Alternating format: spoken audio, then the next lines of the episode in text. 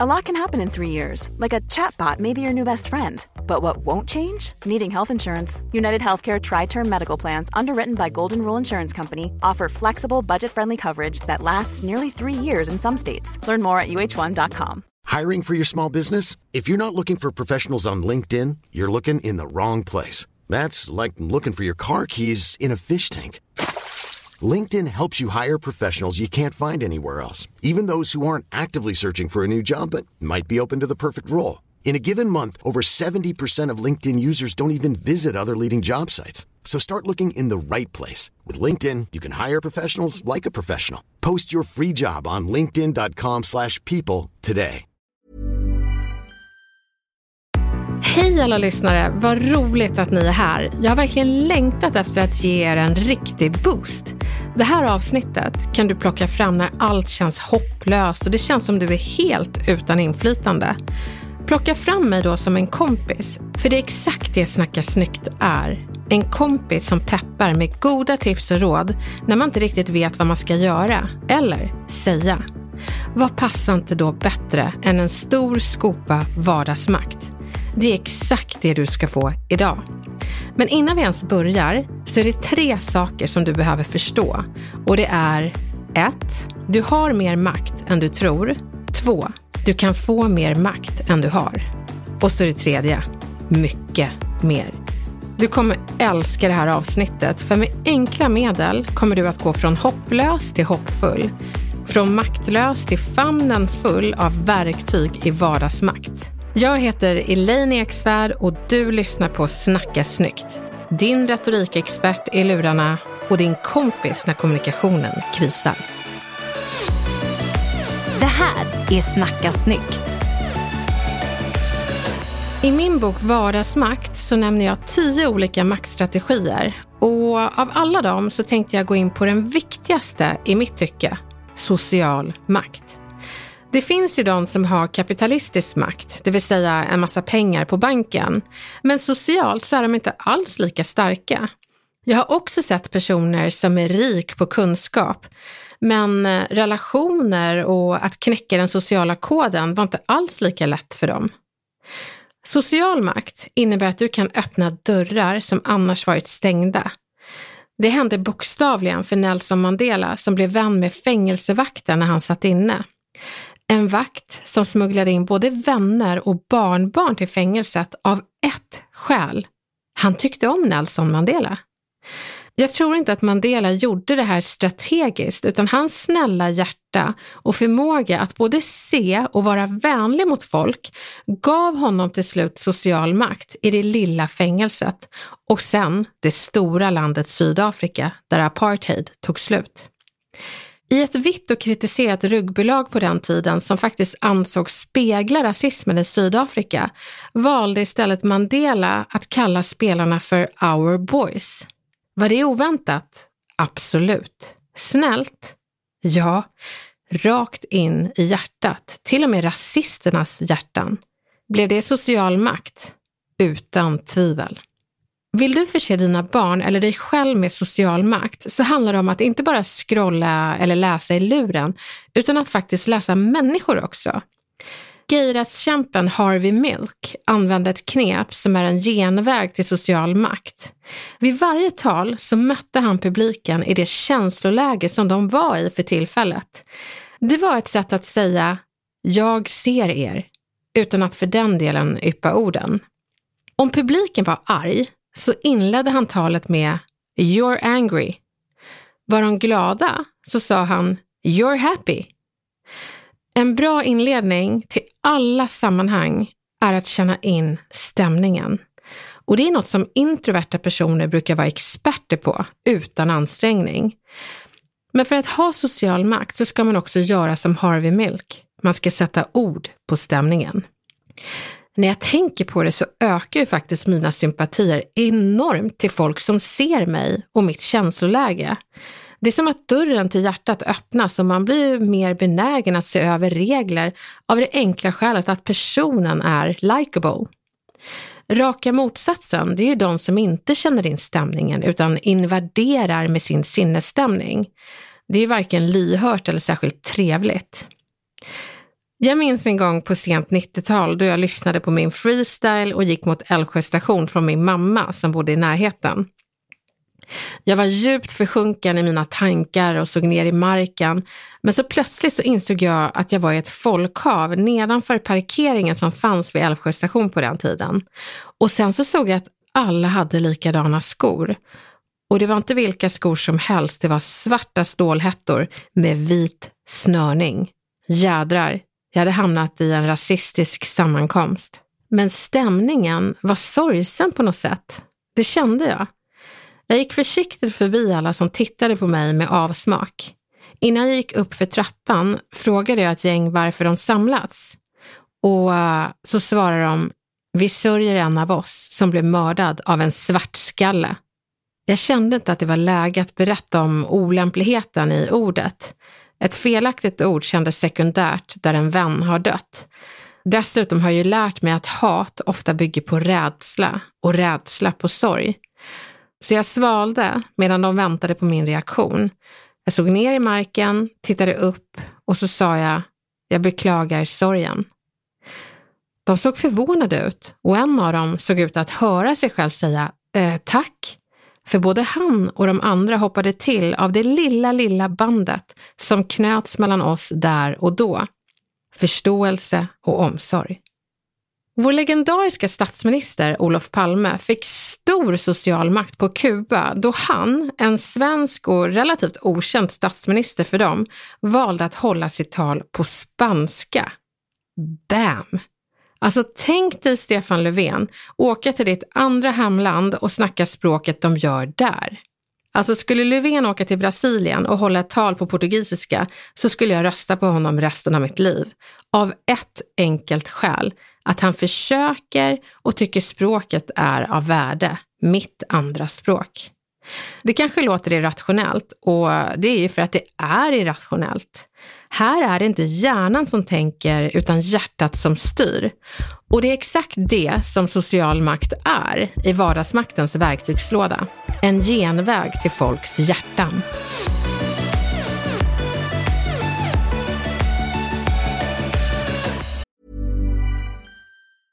Ryan Reynolds här från Mint Mobile. priset på nästan allt som går upp under inflationen, trodde vi att vi skulle bring våra priser. down. So to help us, we brought in a reverse auctioneer, which is apparently a thing. Mint Mobile unlimited premium wireless. Ready to get 30, 30, bit to get 30, bit to get 20, 20, 20, bit to get 20, 20, bit to get 15, 15, 15, 15 just 15 bucks a month. So, Give it a try at mintmobile.com/switch. slash $45 up front for 3 months plus taxes and fees. Promo rate for new customers for limited time. Unlimited more than 40 gigabytes per month slows. Full terms at mintmobile.com. I'm Sandra, and I'm just the professional your small business was looking for. But you didn't hire me because you didn't use LinkedIn jobs. LinkedIn has professionals you can't find anywhere else, including those who aren't actively looking for a new job but might be open to the perfect role, like me. In a given month, over 70% of LinkedIn users don't visit other leading job sites. So if you're not looking on LinkedIn, you'll miss out on great candidates like Sandra. Start hiring professionals like a professional. Post your free job on linkedin.com/people today. För att förstå hur social makt funkar så är det ju bra att förstå vilka människor som kommer in i ens hjärta. Och jag tycker det är väldigt roligt att bjuda in eh, Camilla Samek, min producent, som ju alltid är med, för du har ju tentakler av en annan värld.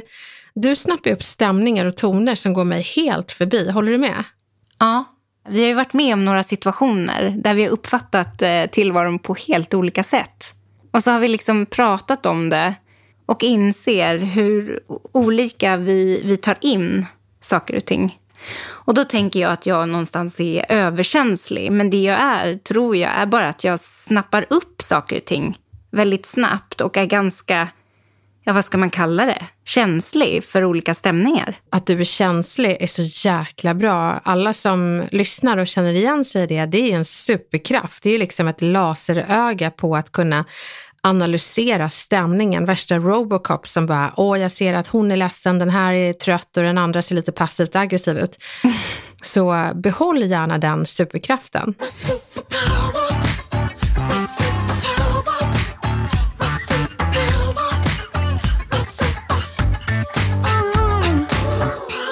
Men om vi, om vi går liksom till hjärtat då. Skulle du säga att du gillar folk som inte känner in stämningen?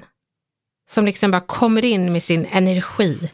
Alltså, jag kan älska eh, någon med en fantastisk energi som kommer in och tar över rummet. Men det beror ju helt på. Jag kan också verkligen ogilla någon som kommer in och som definitivt inte känner av vad det är för stämning i rummet och, och är burdus eller tar över på ett sätt som är helt ja, men, opassande. Då, då, eh, då blir jag bara superirriterad och eh, och så tittar jag mig oroligt omkring och så tänker jag, är det bara jag som upplever det här? Är det bara jag som känner att det här blev väldigt awkward? Och det är det som är så bra med social makt, att man verkligen funderar på vilka gillar jag, vilka gillar jag inte? För den där personen som kommer in och kidnappar stämningen får ingen social makt över dig. Så, så därför är det viktigt att ändå reflektera kring det och det kan du som lyssnar också göra. Studera dem som du tycker om. För vare sig du vill det eller ej så har de här personerna social makt över dig av ett skäl. De har en liten del av ditt hjärta.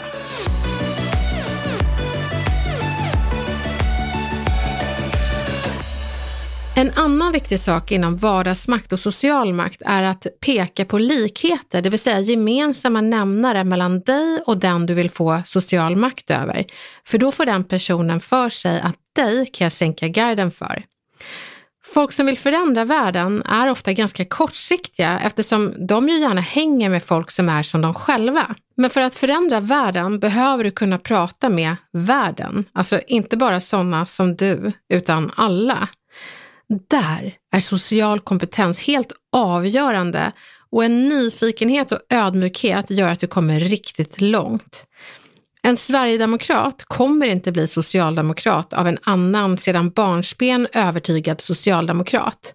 Sannolikheten ökar ju om det är en före detta sverigedemokrat som övertygar.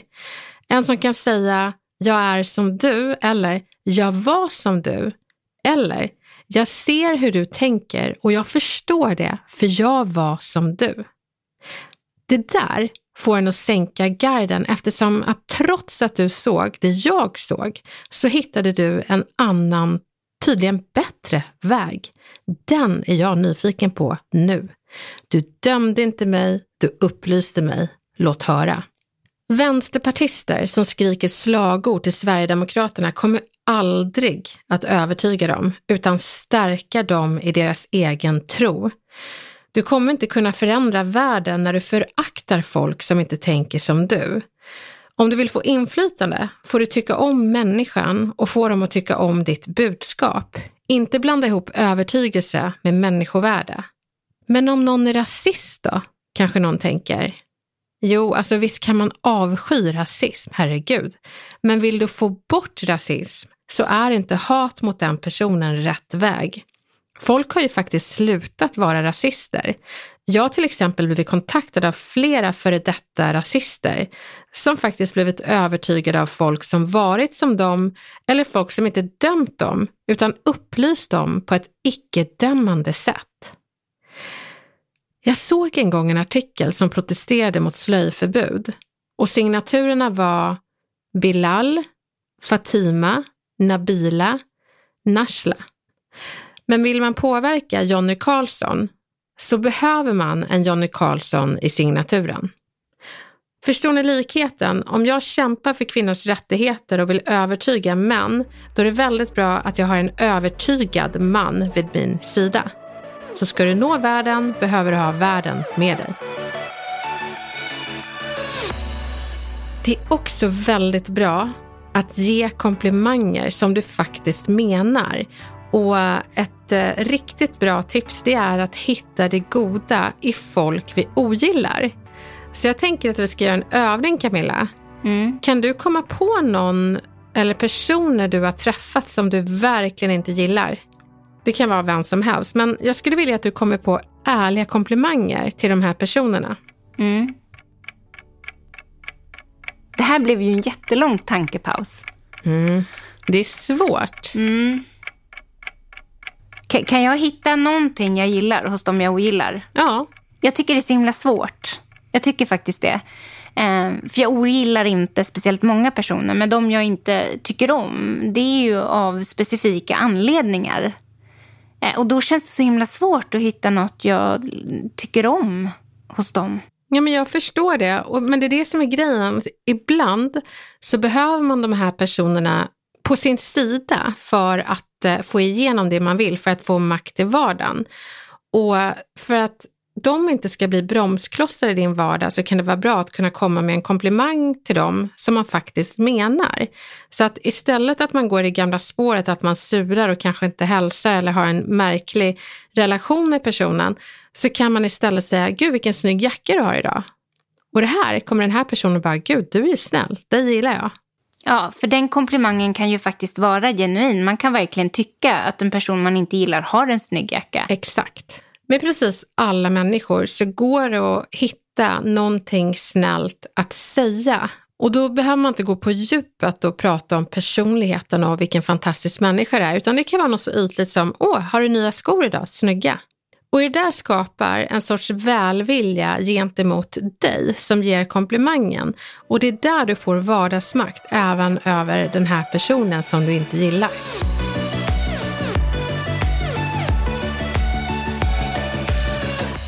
Någonting som kanske inte känns så bekvämt, men som man behöver göra för att öva upp sin sociala kompetens, det är att tacka ja till de där sammanhangen du vet att du inte kommer passa in i.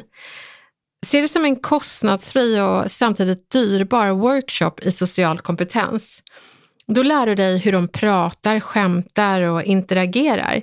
Studera och känn in stämningen. Sen finns det en annan jättebra övning som vi brukar göra på våra retorikkurser och som jag vill att du eh, gör med dina vänner, bekanta och kanske någon gammal kollega.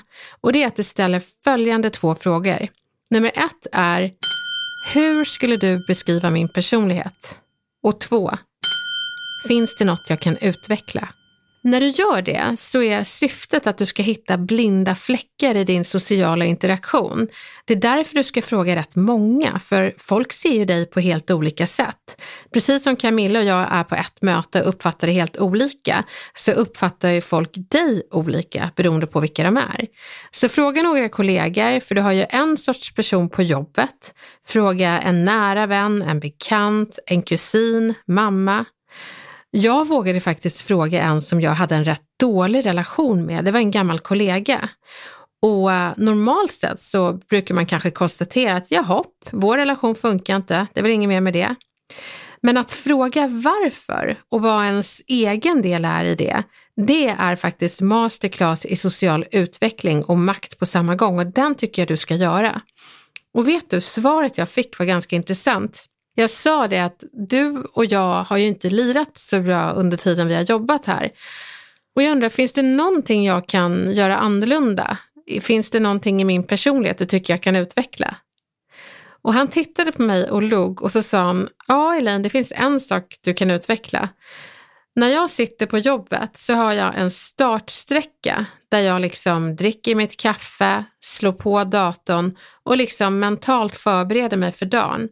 När jag gör det och har den där transportsträckan så brukar du springa in på kontoret och säga hej. Jag märker oftast inte det för jag har mina lurar på. Men sen när jag inte svarar så antar jag att du blir irriterad, kommer fram och viftar vid datorn och säger hej, lite inkräktande. Om jag får välja får du gärna låta mig ha den där startsträckan så kan vi säga hej senare. Och ni vet, jag skämdes så in i bomben. Jag var ju irriterad över att han inte hälsade tillbaka och utgick från att han höll på med härsketekniker när han egentligen bara ville ha sin startsträcka. Så där fick jag chans att utveckla och efter det så sa vi hej vid, ja, strax innan lunch. Och det blev ett riktigt trevligt hej. Du lyssnar på Snacka snyggt med Elaine Eksvärd.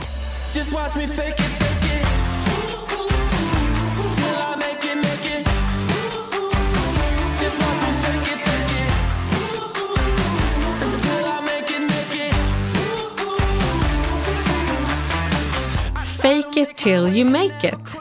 Var så som du vill vara så kommer du till slut att bli det på riktigt. Jag vet att det låter konstigt men Jag hade en period för länge sedan då jag var avis på alla andra som var retorikexperter i mediala sammanhang. Jag var avundsjuk trots att jag själv förekom i mediala sammanhang. Jag avskydde den här känslan av missundsamhet så efter att ha läst en studie om den positiva loopen att försöka vara så som man vill vara så kände jag att jag skulle försöka efterleva det. Lyssna här, går du på krogen och har en serie misslyckade flörtar så kommer din hållning vara därefter. Men om du däremot har en hel radda med attraktiva människor som flörtar med dig med några sekunders mellanrum, då sträcker du på dig och konstaterar att det blir nog en bra kväll. Du kan använda den här positiva loopen för att skapa en bra självbild av dig själv innan du kliver in på klubben genom att agera som att du redan hade ett högt socialt värde. Personer omkring dig kommer då att behandla dig som att du vore någon värdefull och du kommer till slut att känna att det är på riktigt. Så du kan skapa förändringar genom att först verka vara som du vill vara, så kommer du att bli det på riktigt genom att gensvaret från omgivningen blir så bra. Så tillbaka till min missundsamhet och de här retorikexperterna. Jag ville inte vara missundsam, jag ville vara generös och en upplyftande kollega, inte en sur konkurrent. Så det jag började göra var att jag ringde upp de här retorikexperterna efter de hade medverkat i eh, tv eller radio och så gav jag dem komplimanger och sa gud vad bra det var. För det var så jag ville vara. Och ni vet, de blev så förvånade och glada att det till slut gjorde mig glad och jag kände mig genuin som person som unnade mina konkurrenter, eller ännu bättre ord, kollegor. Jag unnade mina kollegor framgång. Den känslan har stannat kvar med mig och det började med att jag fejkade det, sen makeade jag det. Och det har ju också gjort att våra relationer är superbra. Vi rekommenderar varandra i professionella sammanhang, för man vill ju gärna rekommendera en som är generös mot en. Så det är en direkt karma-effekt. Så om du känner dig missunnsam, försök att vara generös. Känner du dig avundsjuk, ring upp personen och ge en komplimang.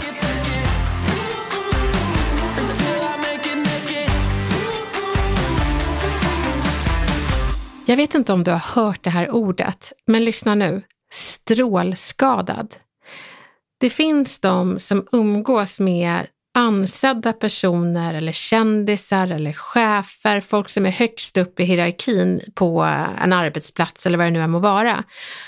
Och de som omger den här personen blir liksom strålskadade. Och vad betyder det? De blir så dränkta av den stjärnglansen som de får från till exempel kändisen att de tror att de besitter den själva. Jag pratade faktiskt med historikern Herman Lindqvist som har träffat kungafamiljen väldigt eh, många gånger. Och så frågade jag honom, du, är kungafamiljen trevliga? Och han sa, mycket trevliga. Utomordentligt trevliga. Men deras omgivning är strålskadade. De är mycket otrevliga. Jaha, så jag, hur menar du? Ja, men de har omgett sig med kungafamiljen så länge och deras stjärnglans att de tror att de besitter den själva. Så vardagsmakt och social makt, där är det väldigt viktigt att man inte krokar arm med folk som har stjärnglans och försöker utnyttja det och på den vägen bli dryg och tro att nu är jag här uppe så jag ser ner på dig. Det är raka motsatsen mot social makt. Översittare har ingen social makt, de har bara höga hästar. Vi brukar ju prata väldigt mycket om hierarkier, alltså vilka titlar man har, att man är chef, mellanchef eller vad det nu än må vara. Men det är väldigt få som tänker på den sociala hierarkin. Och jag skulle vilja att du funderar på vad din roll är i den sociala hierarkin. I varje sammanhang är det alltid någon som är det högsta hönset och uh, det gäller att fundera på, vem är det? Alltså när du är på en fest och ni är kanske fem personer som pratar, då skulle du efter bara fem sekunder kunna säga, det är den här personen som bestämmer i den här gruppen. Vi skapar sociala hierarkier blixtsnabbt och uh, det är väldigt viktigt att känna till, vem är högst upp i det här sammanhanget? För när man vet det, då kan man utnyttja det och få vardagsmakt i det sammanhanget. Som till exempel när jag eh, bodde på Liljeholmskajen med min man och så var det ett gäng ungdomar som åkte skateboard på gården. Och man får inte göra det för det bullrade i hela fastigheten. Och alla vi grannar stod på våra balkonger och tittade missnöjt på de här eh, killarna på gården. Jag gick ner och eh, skulle prata med dem och ah, det var väl ett gäng tonåringar. Och de började liksom kaxa emot och bara, åh vad är det här, värsta milfen, oh, oh, oh. Men när de sa de här kaxiga sakerna till mig så såg jag att de samtidigt sökte bekräftelse från en kille som stod lite längre bak. Och då insåg jag att jag hittat det högsta hönset i den sociala hierarkin bland de här killarna.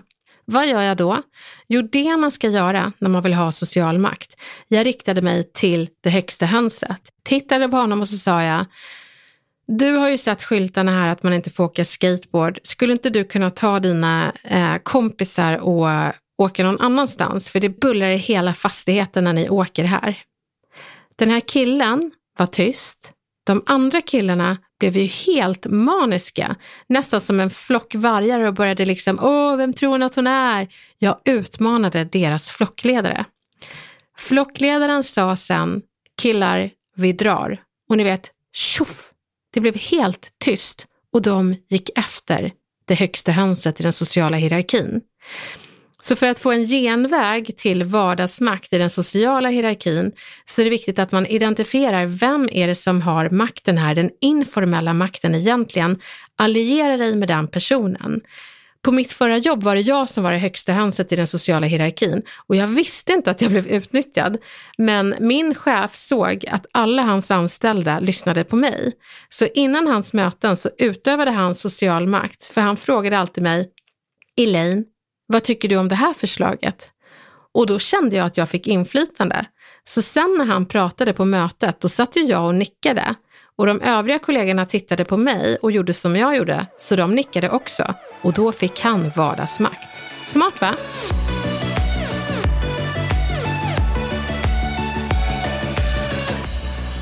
Det är väldigt viktigt att prata gott om andra. Och varför jag betonar det är för att det finns så många där ute som försöker knyta band och bonda genom att snacka skit om någon annan.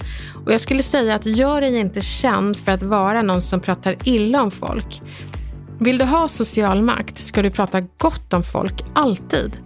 Du kan ta ställning mot det någon har sagt utan att sänka personen. Alltså den här skillnaden är enorm. Pratar du gott om folk så känner sig folk trygga med dig även när inte du är där. Du skulle aldrig prata illa om dem för du pratar aldrig illa om folk. Jag hoppas du känner att vi har kommit en bit på vägen i boosten för att få social makt. Men du, här kommer mina bästa tips. Scrolla inte bara i telefonen utan läs människor. Gör det till en daglig hobby att du liksom lägger ner telefonen och studerar folk runt omkring dig. Gärna människor som inte är som du. Då lär du dig läsa nytt. Bygg upp ett socialt kapital. Sociala medier är ett jättebra forum för att se vad som funkar för att få anhängare. Det blir som en helt gratis marknadsundersökning för att se, okej, okay, vad fångar likes och vad gör att folk tycker om mig? Men socialt kapital är inte bara det digitala, utan det är också vänskap och vilka typer man känner. Alltså du kan ju vara rik på pengar men fattig på ett socialt kapital. En som är rik på ett socialt kapital IRL känner folk både i Rinkeby och kanske i kungahuset. Man känner syrianer men man känner också Anna Svensson. Hur ser ditt sociala kapital ut? Är det fattigt? Ja, men se till att berika dig själv med nya sociala kontakter. Sen är det ju jätteviktigt att leta blinda fläckar i sin personlighet genom att ställa de här två frågorna. Vad tycker du om min personlighet? Finns det något jag kan utveckla? Men också ge komplimanger som du verkligen menar. Och sen så det allra viktigaste i mitt tycke och det är att hitta det högsta hönset i den sociala hierarkin oavsett sammanhang, oavsett om det är jobb, släkt eller om det är eh, i ett klassrum till exempel. En lärare har ju den formella makten i klassrummet, men det är ju alltid någon elev där inne som är det högsta hönset i den sociala hierarkin, oftast den mest populära eleven. Så de andra eleverna gör ju som han eller hon gör. En lärare kommer få väldigt svåra förutsättningar att undervisa om hon till exempel går i clinch med den här eleven. Så det man ska göra istället är att göra det min chef gjorde med mig. Fråga innan lektionen, vad tycker du om det här? Och så känner eleven att du är med mig, du är inte mot mig. Och så börjar eleven plötsligt nicka och lyssna när du pratar. Och vad gör övriga flocken då? Jo, det som deras flockledare gör, lyssnar och nickar. Och plötsligt fick du vardagsmakt i det här rummet kallat klassrummet. Det här med social makt, det är bara ett av tio verktyg i vardagsmaktens låda som du kommer få höra mer om i framtiden. Jag är så glad att jag kan få vara retorikexperten i dina lurar som viskar de här knepen. Men det är desto roligare när jag får höra från er och ni verkligen berättar vad ni behöver hjälp med. Så tveka inte, gå in på Instagram och snacka snyggt och skriv vad din kommunikationsutmaning är framöver. För det är så som det alltid är. Din fråga fråga kan bli vårt nästa avsnitt. Och berätta också när det har gått bra för dig, när du har använt våra tips och knep och vad som faktiskt hände efter det. Det är de bästa historierna jag vet. Lycka till hörni, vi hörs snart igen.